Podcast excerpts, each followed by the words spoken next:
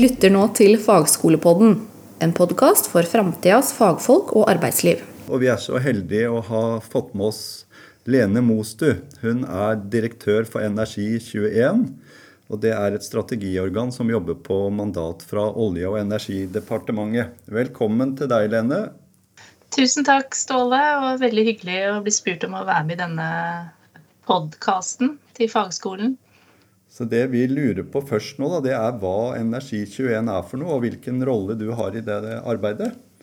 Ja, Energi21 det er et uh, strategiorgan som du sa, som er oppnevnt av olje- og energiministeren. Uh, og vår rolle er jo å gi råd til regjeringen om uh, hvordan Norge skal bruke sine penger eller midler til forskning og innovasjon innenfor energiområdet. Så vi gir råd direkte til olje- og energiministeren. Og vi gir råd om tematisk prioritering, dvs. Si hvilke teknologiområder som vi mener bør få mest midler. Eh, og så gir vi råd om hva slags type virkemidler eh, som bør iverksettes, altså hva slags eh, type insentiver, om det skal være forskningsmidler eller om det skal være midler til test og demonstrasjon eller til kommersialisering. Og så peker vi også på behov for utdanningsretninger eller utdannings, altså hva slags type kompetanse det er behov for. Da. Og min rolle i dette er å, å lede strategiarbeidet vårt.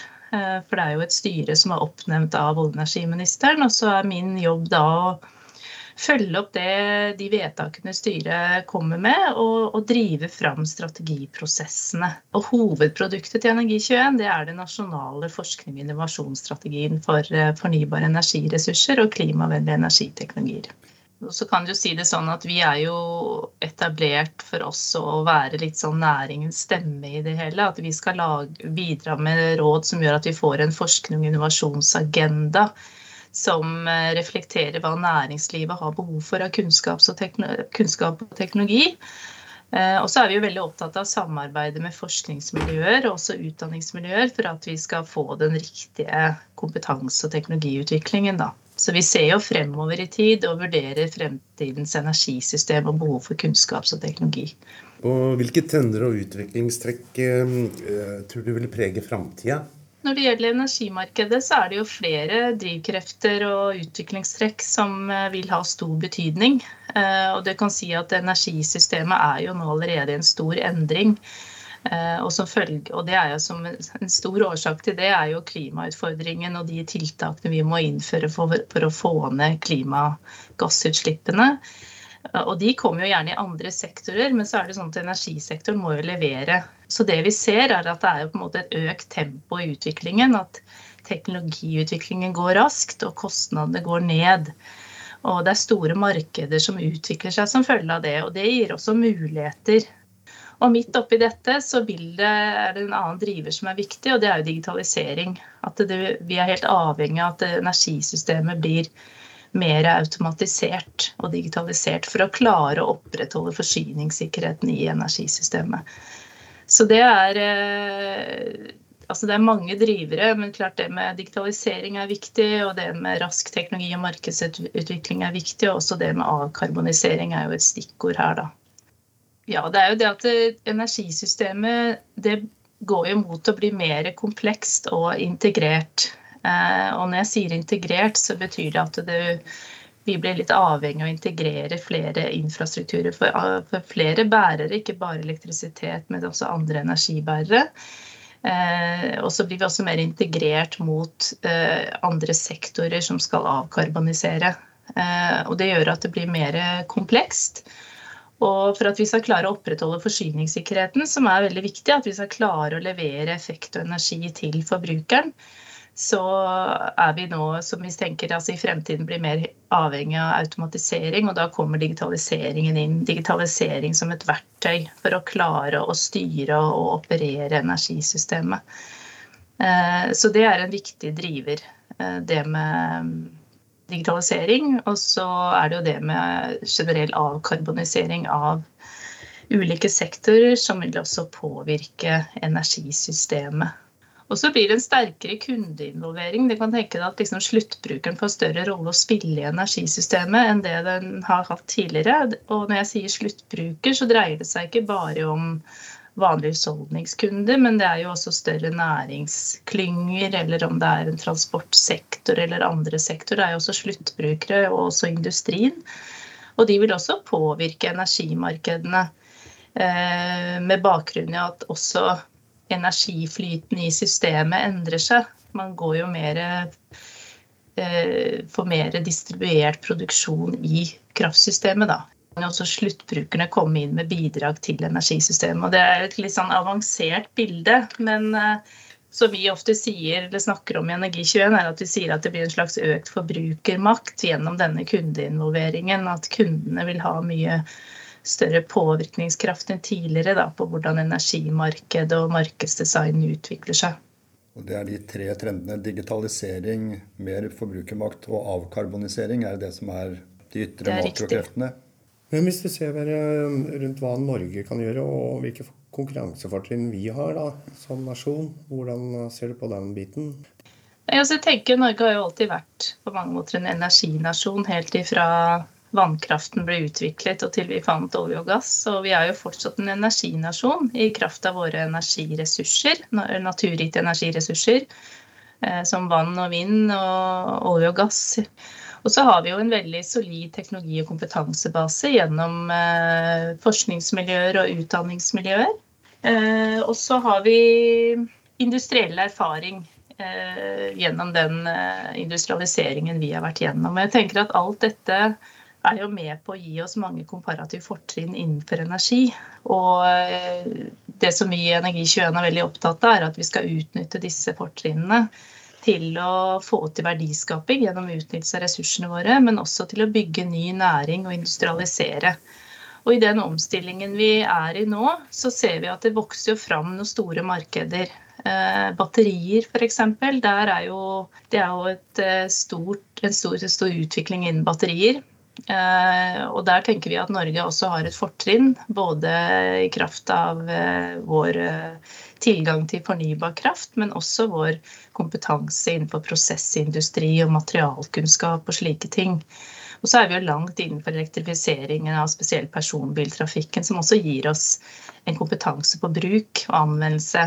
Og så er det jo hydrogen er jo et fortrinn på mange måter. Både blå og grønn hydrogen. Eh, vi kan jo lage hydrogen fra naturgass med karbonfangst og -lagring, eller så kan vi også lage hydrogen basert på våre vannkraftressurser.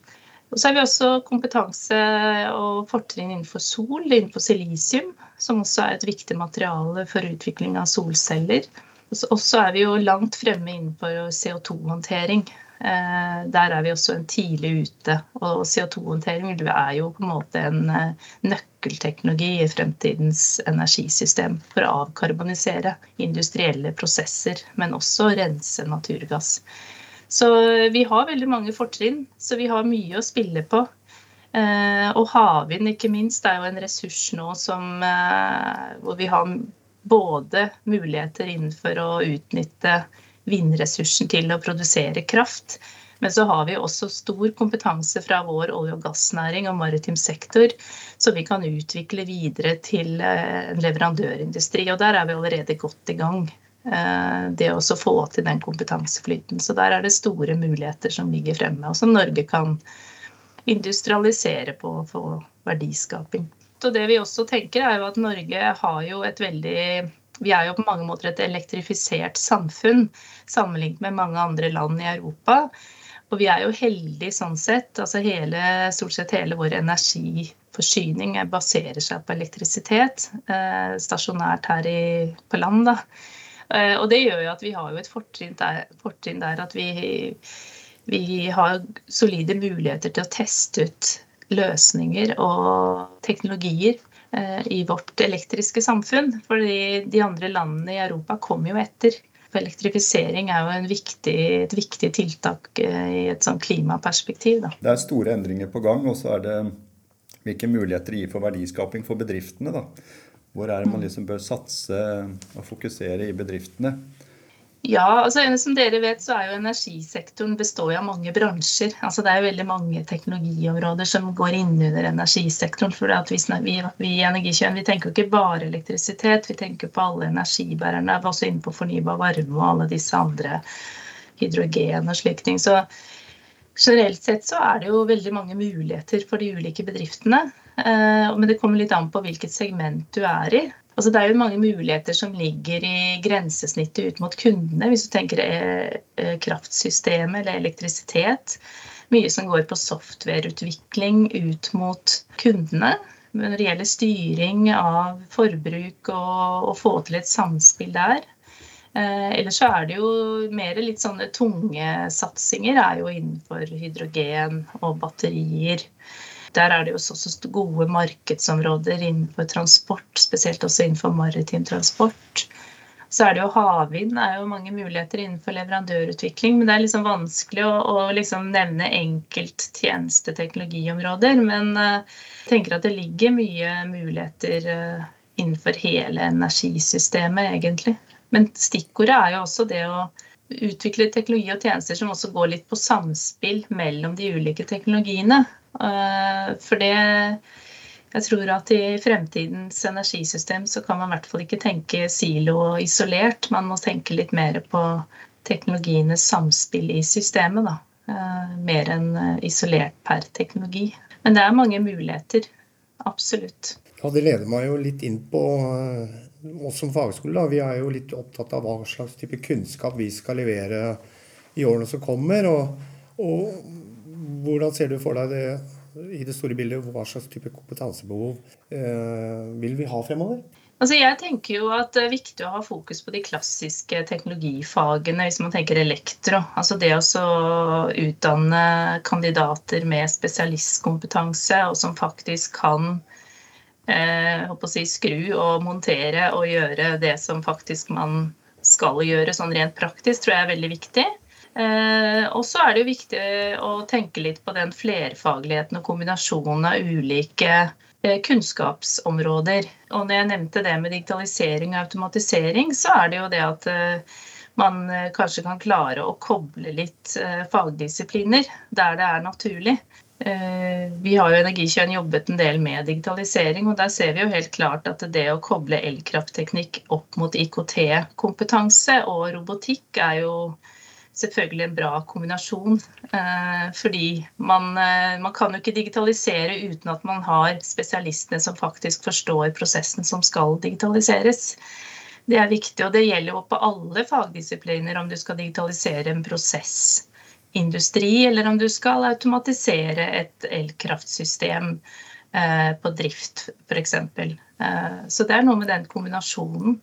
Men jeg er veldig opptatt av, og jeg tror også det, Vi har jo gjennomført i forbindelse med vår revisjon av Energi21-strategien nå en rekke innspillsmøter innenfor veldig mange ulike teknologiområder. Vi har vært over 600 aktører inne i bildet og kommet med innspill. Og en fellesnevner for veldig mange av de aktørene som representerer mange fagområder, er jo at det vil være behov for fagfolk som faktisk kan operere anleggene, som har den spesialistkunnskapen. Man kan ikke bare ha generalister, som det heter. Man må ha de som faktisk forstår det og kan det litt i dybden.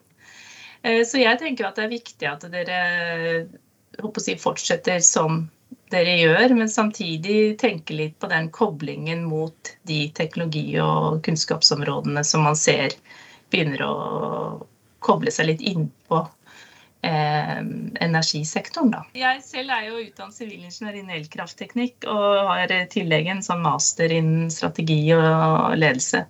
Men eh, jeg ser jo hvilken glede jeg har som nå jobber litt eh, overordnet, hvilken glede jeg har hatt å faktisk sitte på en driftssentral og se faktisk hva som skjer når noe går galt i elkraftsystemet. Den kunnskapen der er jo gull verdt, selv når jeg jobber litt som en, si, en eh, potet og skal kunne litt om alt. Og jeg jo, jeg tenker jo de som eh, velger elektrofag, eller om det er elektronikk eller elkraftteknikk, eller om det er energimontør, eller altså Jeg tenker de har en kjempespennende fremtid i møte, da. Fordi det er så mange muligheter. Og, men man kanskje velger litt sånn tungt teknisk spesialist først, og så kan man eh, spe på med litt annet etterpå. Tenke litt sånn kobling. Har du noen eh, tips til hvordan vi som fagskole skal kunne være med på, på denne kompetansehevinga? Jeg tenker at det er viktig som, at dere også involveres i de prosessene som går knyttet til sånn à la Energi21, hvor man snakker om fremtidens energisystem og de utviklingstrekkene man ser eh, antageligvis vil komme. At eh, dere involveres i den type arbeid. Eh, og at dere også trekkes inn i det næringslivet har av aktivitet på det med kompetanseutvikling. At det er et godt samspill der. Det er i hvert fall vi, Når vi er veldig opptatt av Energi21, også det med å liksom få til et godt samarbeid mellom næringslivet og utdanningsmiljøene, slik at man får tilpasset utdanningsløpene til det som man forventer av kompetansebehov. Da. Jeg må spørre Espen om en ting for det, det hun sier om de klassiske utdanningene. Jeg så det smilte litt da. Det var ikke vondt å høre det? Nei, det var veldig godt å høre. ja, det er, men det Ja, jeg liksom har tenkt litt på det. fordi at det er så lett for at uh, man lar seg blende av alt det nye. Og, og, det som skjer nå i energisektoren, hvor i merker jeg i det arbeidet jeg har, at alle har en mening nå om energisektoren. Uh, og det er fint. Men uh, jeg merker også at det er veldig mange som har meninger som egentlig ikke kan noe om det. Og det er viktig at man faktisk har de som kan noe om det. Som kan også både være med å påvirke og justere kursen og faktisk at det er er ikke, liksom, alt er ikke så enkelt som mange skal ha det til. Eh, og at man må være litt bevisst på at det faktisk kreves, som dere jobber med, kompetanse. ikke sant? Det er ikke bare å koble til alt. Hvis man tenker elkraftsystemet, da, så er det ikke bare å koble til mye forbruk her og der i et system, og det bare går så det suser. Det er jo tek det er noen tekniske barrierer man må overvinne, og utfordringer man må løse. Og Derfor tenker jeg at det er viktig at man har faktisk de personene som forstår det. Eh, fordi man kan ikke man kan ikke alltid bare liksom bevege seg i overflaten. Så jeg tenker det er gull verdt. da. Og jeg var jo på en større konferanse her i våres eh, hvor faktisk det ble etterlyst fagarbeidere i fremtiden. Eh, også innenfor sol. altså Vi hadde jo et innspillsmøte på solkraft, hvor de sa at det er en utfordring å få montører på solkraftanlegg i Norge. Det er det er krevende. Vi er jo veldig opptatt av studentene våre òg. Har du noe sånn råd du vil gi til dem som er studenter her i dag, eller som har tenkt å bli det, fagskolestudenter? Et råd? Altså, jeg Ja. Eh, klart Har man først valgt disse studieretningene innen energi, så tenker jeg personlig at da har man gjort et veldig godt valg. eh, fordi at det er så mange muligheter som ligger der fremme, også med bakgrunn i, eh, i de utviklingstrekkene vi ser og de markedsmulighetene som kommer. Så det, det vil jo bli sterkt behov for den type kompetanse. Så jeg tror arbeids, eh, altså mulighetene for jobb er store og gode. Og så er det jo, så, hvis man på en måte er litt umotivert og ikke forstår helt hensikten med alt hva man lærer av dette tekniske, så tenker jeg at det er viktig å tenke at det vil man få bruk for. Men så trenger man ikke alltid å stille spørsmål hva er det jeg skal bruke det her til. fordi eh, det er jo en bakgrunn for det. Det er i hvert fall min erfaring fra jeg eh, studerte elkraftteknikk, at jeg var periodevis ganske demotivert. Men eh, så forsto jeg mer etter hvert at det var en sammenheng. Og når jeg begynte å jobbe, så forsto jeg faktisk hvorfor jeg hadde lært det jeg hadde lært. Da. Så det gjelder å holde litt ut og kanskje tenke litt kreative kombinasjoner også. Eh, nå vet ikke jeg hvor mange muligheter man har innenfor deres system til å velge litt på tvers og sånn, men at man kan liksom velge en grunnutdanning, og så kan man tenke at man kan eh, tilføre eh, litt andre retninger underveis, da. Eller bygge på. Det er kjempespennende retninger, alt som har med energi å gjøre. Og så er det tenker jeg, viktig også når man jobber med energispørsmål, så vil også det være relevant i andre bransjer. Med tanke på at andre bransjer og sektorer skal redusere sine klimagassutslipp, så kommer man ikke utenom energispørsmålet da. Eh, så om man jobber som elektromontør innenfor energisektoren, eller om man jobber innen elektroteknikk, så kan man helt sikkert bruke den, eh, gå over til bygg eller gå over til industri, eller Det er veldig anvendbar retning, da. Hvor skal vi få lært mer om eh, det arbeidet som dere holder på med, og hvordan kan eh, vi som fagskole bli trukket inn i dette, slik at vi kan levere fremtidens kunnskap og, og kompetanse? Ja, jeg tenker at nå er jo vi midt i ferdigstillelse av en ny Energi21-strategi som vi skal levere til olje- og energiministeren i slutten av juni. Og så Den strategien er jo på mange måter et veldig solid oppslagsverk, for den dekker jo hele energifeltet. Ehm, så den er jo fin å bruke og lese og se i for å få bedre oversikt over muligheter Norge har innenfor dette området her. Da. Det er jo et, et utgangspunkt. Eh, og så tenker jeg at eh, vi i Energi21 kan eh, komme til dere også og presentere strategien når den til høsten kanskje, for studentene og holde et lite foredrag om den. For det kan jo også gi et bilde av mulighetene som vi har kommet frem til. Og så tenker jeg også at det er viktig at vi husker på, og at vi har en dialog på at vi trekker dere med i arbeidet vårt fremover også, når vi jobber med strategiutvikling. Eh, så at vi får dekket opp, eller kan få gode innspill på kompetanseutvikling og behov for utdanningsretninger eventuelt, som vi kan gi anbefaling om. Og når det gjelder studentene, så tenker jeg at de kan bare, de som ønsker det, ta kontakt med meg. Eh, hvis de har behov for noen kontakter innenfor de ulike teknologiområdene. Fordi vi sitter på et stort nettverk av aktører som har vært med i vår prosess. Og da kan vi helt sikkert bidra med noen kontaktpersoner eller noe mer informasjon rundt om det skal være batterier, hydrogen eller elektroteknikk eller hva det enn skulle være. Så det er det jeg på en måte kommer på nå, da. Avslutningsvis må jeg få lov å takke deg at du ville stille opp. Har vi fått innblikk i litt av trender og utviklingstrekk, og vi har også blitt vist hvor vi kan finne mer om dette og lese på hjemmesida deres. Og ikke minst det du forteller om mulighetene for bedriftene og hva det vil bety for kompetansebehovet og den rollen vi har i må være med å, dekke det kompetansebehovet i sektoren. Så er det én ting er sikkert, det er at det er store, store, muligheter. Tusen takk, og tusen takk for at jeg fikk eh, komme til denne poden og snakke varmt om energisektoren. Det er jo noe jeg gløder for selv, så det satte jeg stor pris på. Du har nå hørt Fagskolepodden produsert av Fagskolen Vestfold og Telemark.